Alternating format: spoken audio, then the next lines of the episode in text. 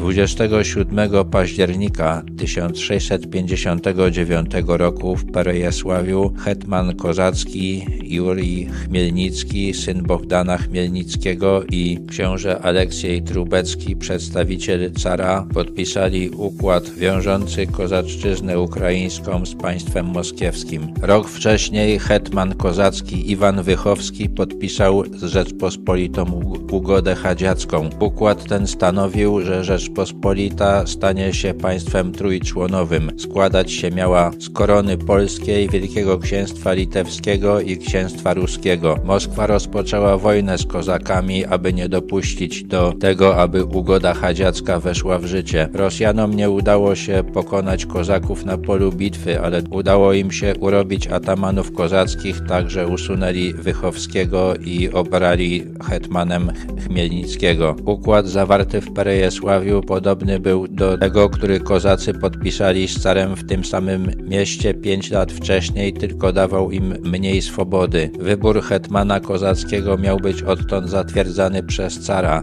Nie można się było nawet starać o ten urząd bez jego zgody. Hetman nie miał prawa utrzymywania stosunków dyplomatycznych z innymi państwami. Nie mógł też bez zgody cara mianować pułkowników. W Kijowie, Perejesławiu, Niżynie, Bracławiu i Humaniu miały stanąć moskiewskie garnizony, utrzymywane przez miejscową ludność. Prawosławny patriarcha w Kijowie miał uznać zwierzchnictwo patriarchy moskiewskiego. Ponadto umowa zobowiązywała kozaków do wydania hetmana Iwana Wychowskiego razem z całą rodziną w ręce Rosjan jako zdrajcy. W następnym roku Chmielnicki zerwał układ z Rosją i podpisał traktat z Rzeczpospolitą w Słobodyszczach. Dawał on kozakom więcej praw niż umowa w Perejesławiu, ale nie było już mowy o księstwie ruskim. Ostatecznie Rzeczpospolita i Rosja podzieliły Ukrainę wzdłuż linii Dniepru między siebie.